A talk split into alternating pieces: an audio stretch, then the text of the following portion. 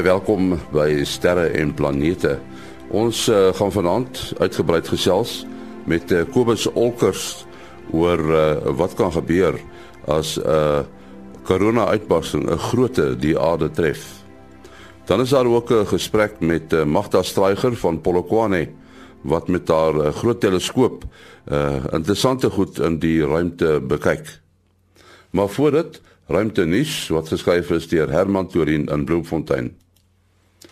Drie planete wat om 'n klein koue ster 40 ligjare van die aarde wentel, is goeie kandidaate dat hulle bewoonbaar kan wees.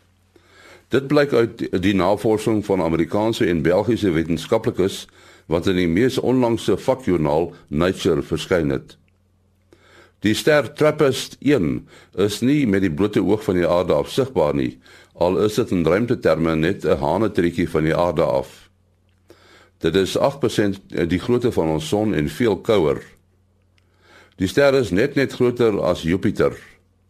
Die drie planete wat as aardgrootte beskryf word, wentel naby genoeg aan die ster om lewensvatbaar te wees en is ver genoeg om nie aan te veel bestraling blootgestel te wees nie. Die wetenskaplikes meer meer ondersoekwerk met 'n beter teleskoop is nodig en dat ons binne ons leeftyd behoort te weet of daar lewe op een of meer van die planete is. 'n Baie ongewone komeet wat in 2014 ontdek is, is pas in die vaktydskrif Journal of Science Advances en meer besonderhede beskryf. Anders as ander komete wat van die oortwolk kom, bestaan hierdie liggaam nie hoofsaaklik uit ys en modder nie maar uit rots. Dit het daarom ook nie 'n ster soos komete op hierdie afstand van die son nie. Die komeet het dus die naam Manx gekry, die naam van 'n sterklose kat. Anders as die asteroïde wat bekend is, is hierdie rots egter nie oor miljoene jare deur die son gebak nie en lyk dit of dit miljarde jare in 'n yskas geberre was. Die wetenskaplikes meen die rots het in die vroeë jare van die sonnestelsel so ontstaan naby die aarde, Mars en Venus ontstaan en kon dalk selfs 'n deel van die aarde gewees het wat deur 'n botsing tot in die oortwolk geslinger is. Dit kan dus baie lig werp op die ontstaansgeskiedenis van ons sonnestelsel. Tot sover ruimte nuus wat geskryf is deur Herman Torin in Bloemfontein. Ons uh, gesels vanaand uh, met Kobus Olkers daar in Florida, Amerika oor die gedrag van die son. Nou voor ons oor die effek van uh, al die dinge wat die son doen praat Kobus, vertel net vir ons is die son al 'n bietjie rustiger? Nee, rustigheid is nie op sy lys hierdie tyd van die van die uh van die siklus lyk dit vir my nie. Volgens al die teorieë en die en die dinge wat in die verlede gebeur het, was hy veronderstel om nou al redelik stil te wees. Maar ehm um, Ons is besig om nog steeds 'n heel wat effek te kry van hom af. Ons het nou redelik onlangs weer 'n redelik groot koronamassa uitbarsting gehad. Ja, nog nie so gereeld soos op die sonpiek nie, maar as mens neem ons is daarom nou al 'n hele paar jaar in op pad na hardop pad na son minimum toe. Dan is dit interessant. Uh natuurlik weet ons steeds daar ook al die, al hoe meer van van die verskillende ander goed wat vir ons 'n effek gaan hê, die dinge soos die koronagate en so aan en ons kan hulle nou pragtig sien op die satellietfoto's en met groot akkuraatheid voorspel wanneer hulle hier gaan aankom en wat hulle gaan doen. Ja, ek sou sê in terme van 1859 se Carrington event is dit baie gebeurtenis is dit baie stil met die goed wat ons deesdae het en met ons elektronika wat al hoe meer sensitief raak. Gaan die son vir ons nou lyk vir my sommer regdeur sy siektes of dit nou stil is of of te nie, gaan hy vir ons pret gee. Nou vertel ons net so uh, daardie Carrington uh, gebeurtenis, wat presies het gebeur? Dit was die grootste uh, koronamassa uitbarsting wat die aarde nog getref het in die geskiedenis. Uh, dit was in 1851 as ek reg onthou. 'n Sterrekundige met die naam van Carrington het hierdie vreeslike groot sonvlekke gesien. Hulle het natuurlik daardie tyd nog nie presies geweet wat aan die gang was nie.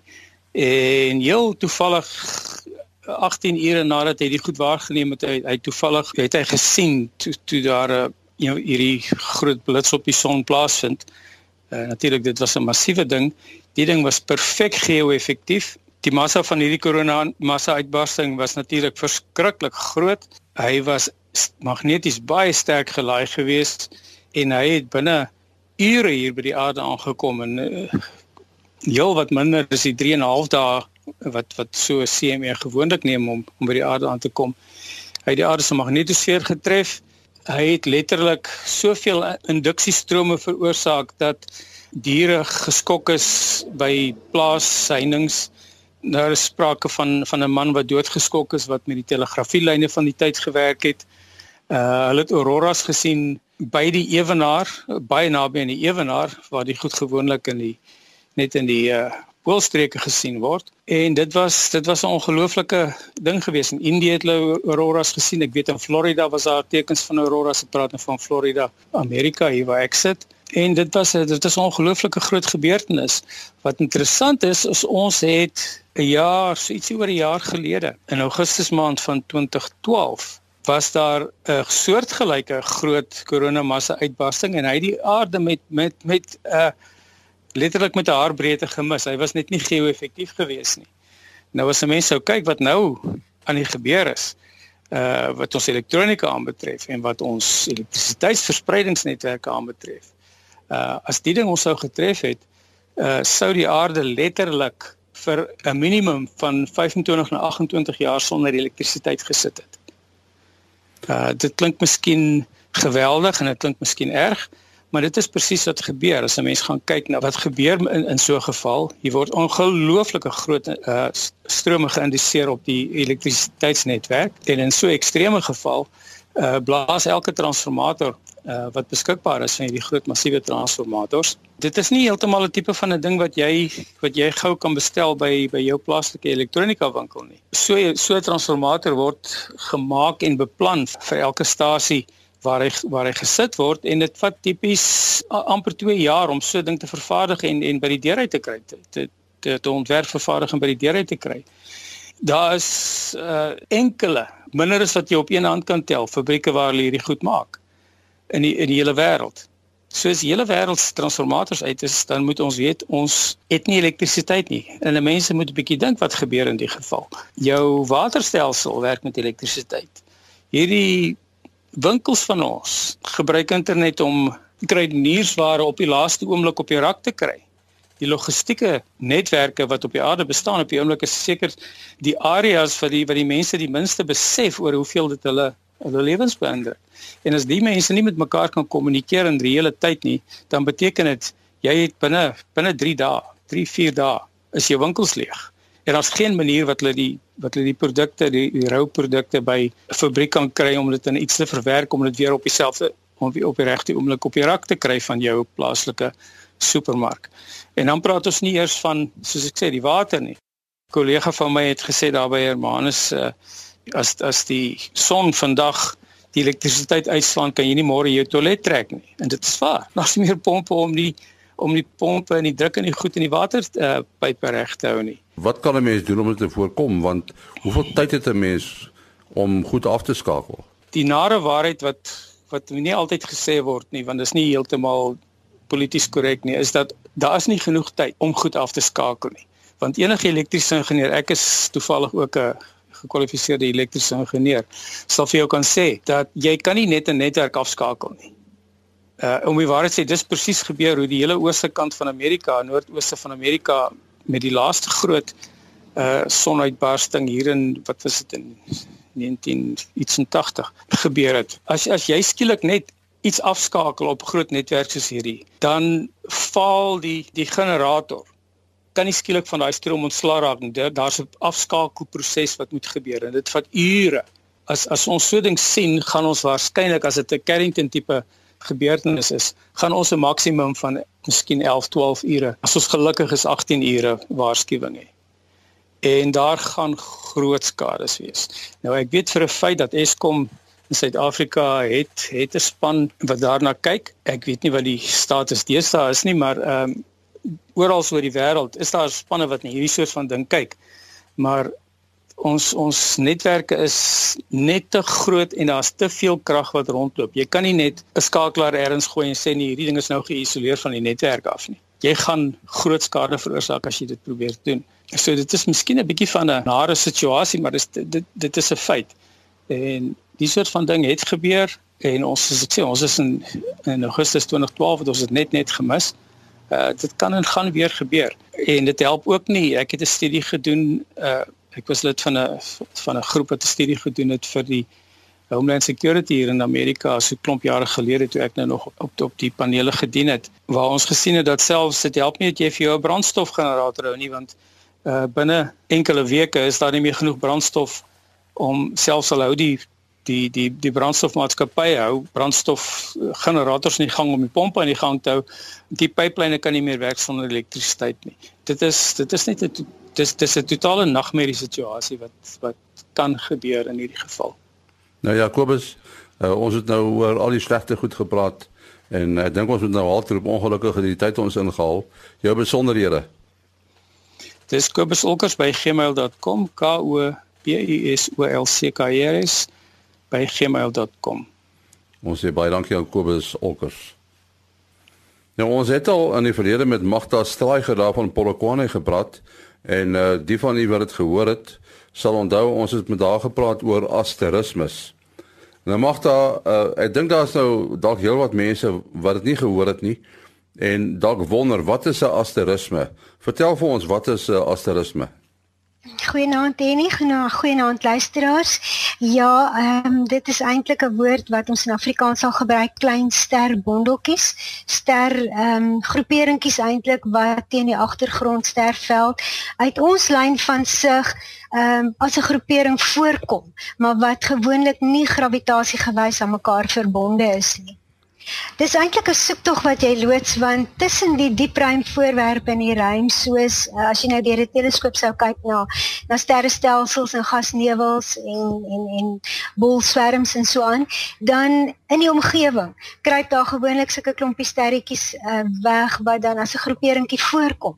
En wanneer jy dan die ehm um, ruitverwysing na 'n forum in in Amerika stuur, dan uh, dan sal hulle dit goedkeur of afkeur. Dit lyk soos groeperings werklike genommerde groeperings maar dit is nie. So dit eh, die sterveld is ongelooflik groot as jy deur 'n deur 'n teleskoop kyk. So dan soek jy maar die omgewing en jy gebruik maar maar 'n groot vergroting op jou teleskoop om van hierdie klein bondeltjies raak te kan sien.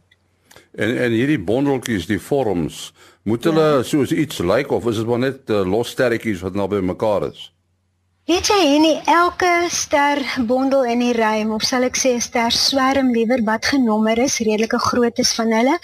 Elkeen vertel 'n storie want die sterre is so geplaas in in hulle posisie dat dit eintlik maar 'n storie vertel en dis dis wonderlik om sterbondels waar te neem want dis opwindend en hulle het altyd karakter en so aan waar hierdie kleiner sterbondeltjies wat jy nou soek wat ek wat ek soos ek sê nie genommer is nie en wat dan deur die forum uh, as krediet aan jou toegeëien word wanneer dit um, reg is en hulle is gewoonlik minder as 15 sterretjies in 'n klein groeperingkie. So mense sien maar allerlei vormpies en goetertjies daarin wat natuurlik karakter verleen aan jou beskrywing soos wat jy dit vir hulle stuur. En uh, mens moet seker 'n tamelike kragtige teleskoop hê. Weet jy ja, eintlik vir die tipe diepruimwerk waarmee ek wat ek doen, moet jy 'n redelike groterige teleskoop hê. Maar jy kan met kleiner teleskope wel ook ster uh, groeperings waarneem, alhoewel nie heeltemal hierdie klein soort wat uh, wat wat na die forum toe in Amerika gestuur word nie. Maar die die sterre, die die groeperings, hulle was nog altyd daar. Dis net jy wat hulle raak sien en dan uh die gegevens instuur. Ja, ja, verseker, die ruim is maar soos wat hy is vir miljoene jare en oor die hele wêreld is daar natuurlik waarnemers wat na hierdie sterbondeltjies soek en so in die 8 jaar het ek so omtrent 100 nou bymekaar gekry. Ja, dit is dis 'n aardige getal daardie. Wat is die uh, mees opwindendste een wat jy raak geloop het? O, oh, weet jy daar is so baie met verskillende ehm um, verskillende forme en natuurlik karakter en so aan. Maar een wat ek spesifiek onthou is in die sterrebeeld, ek dink dit is ehm um, Volans, Volans. Daar's een wat vir my absoluut na ehm um, tor of 'n ding, nie tor regtig nie, maar dit twee sulke voelers uit. Jy weet dit het was nogal vir my baie insiggewend want die sterretjies vorm sulke lang sterstringetjies wat duidelik aan die groeperingkie uitskiet na buite in die sterveld en dit laat jou regtig aan 'n tipe van 'n insek dink. En en dan kyk jy nou presies waar dit is en dan uh is dit die gegevens wat jy instuur. Ja, jy doen 'n ruitverwysing. Ehm uh, met ander woorde jy jy, kyk na die koördinate van waar jy is in die ruim op die oomblik wat natuurlik verdeel word in grade, minute en sekondes. So jy het nodig om die ruitverwysing, verwysing van oos na wes en van suid na noord aan te dui op daai spesifieke uh middelpunt van die groeperingkie. En dan stuur jy dit nou aan vir hulle dan se hulle natuurlik op 'n uh, uh um, intensiewe sterk programme kyk daarna en en jou terug laat weet of dit redelik genoeg uitstaan teen die agtergrond sterfveld om te kan kwalifiseer om in hulle katalogus opgeneem te word. Sou mens kon sê dat uh dat daar in die, in die winterhemel meer asterismes is as in die somerhemel. Ehm um, ek sal sê net uh, in jou melkweg areas is daar verseker baie meer. Ehm um, wanneer jou spiraalarm van ons melkwegstelsel natuurlik in die weste ondergaan en voordat die werklike melkweg in die ooste opkom, het jy natuurlik hierdie tussenin periode tyd wat wat daar nie veel aangaan nie. Dan bekyk jy nou maar meer diepruim voorwerpe soos sterrestelsels en bolswerms en so aan wat uh, dan is dan jou sterveld baie minder sal ek sê want dan kyk jy uit ons sterrestelsel uit na die diep ruim. So in jou melkweg is daar baie sterbonnetjies om te soek. Dis eindeloos. Ja, ek ek wou sê uh, jy kyk nie net na asterismes nie, jy kyk na ander goed ook. My my my grootste fokus is natuurlik op diep diepruim voorwerpe wat absoluut dowwe voorwerpe van 'n 14 helderheid en meer insluit en daarbey bedoel ek ander sterrestelsels wat buite ons eie sterrestelsel lê, die diepruim in. En natuurlik in ons eie sterrestelsels doen ek 'n eh, nevelwaarneming waarvan uh, dit geselekteer word in verskillende katalogusse wat ek opsoek om natuurlik die gegevens te kry. So dis nogal 'n intensiewe studie en uh, die uh, klein sterbondeltjies is is maar net vir afleiding wanneer ek tussen hierdie diep brein voorwerpe van die een na die ander en gaan dan sal ek die sterveld ondersoek en kyk wat is daar wat snaaks is en wat nie is miskien alhoewel daar nie eintlik iets kan nie wees nie. Dit wat daar is is maar daar. Uh, van hierdie sterrestelsels Andromeda ja. is seker die mees aanskoulike of hoe Ja, kyk uh, van die noorde af kan jy natuurlik as dit nou 'n donker nag is en jy uh, het nie straatligte en karre en so aan om jou nie, kan jy hom wel met jou blote oog sien. En um, ek het hom al baie keer baie mooi bekyk. Jy kan hom deur 'n verkyker net as 'n sagte wolkie sien, maar deur die teleskoop met baie hoë vergroting met my groter teleskoop kan jy natuurlik van die spiraalarms uitmaak. So dis absoluut ehm um, 'n voel oog wat jy uitkyk na ons eie sterrestelsel wat nog meer so lyk. Hy is net twee maal so groot, né? Nee? Ja, hy is twee maal so groot en hy is op pad na ons toe. So hy gaan vermeng met ons eie melkwegstelsel. Natuurlik weer heel wat langer van nou af, maar nou ja, dis 'n ander storie. Goed, jy praat so van jou teleskoop, seker 'n 12 duim. Uh, ek het 'n 16 duim hier nie. Ja, dis so kragtig. Uh, so Ja, my heel vergroting wat ek kan insit is so 640 maal op 'n 16 duim spieël. So dit gee vir my helderheid van omtrent 14-15 waar jy met jou blote oog soos jy self weet natuurlik kan sien omtrent by 5. Dit hang af natuurlik of jy in 'n stad is of jy in 'n donker area is. Nou ja, ons sê baie dankie aan Magda Straai gedaan in Polokwane wat uh, vanaand gesels het oor die asterismes en die ander wonderlike goed wat sy sien.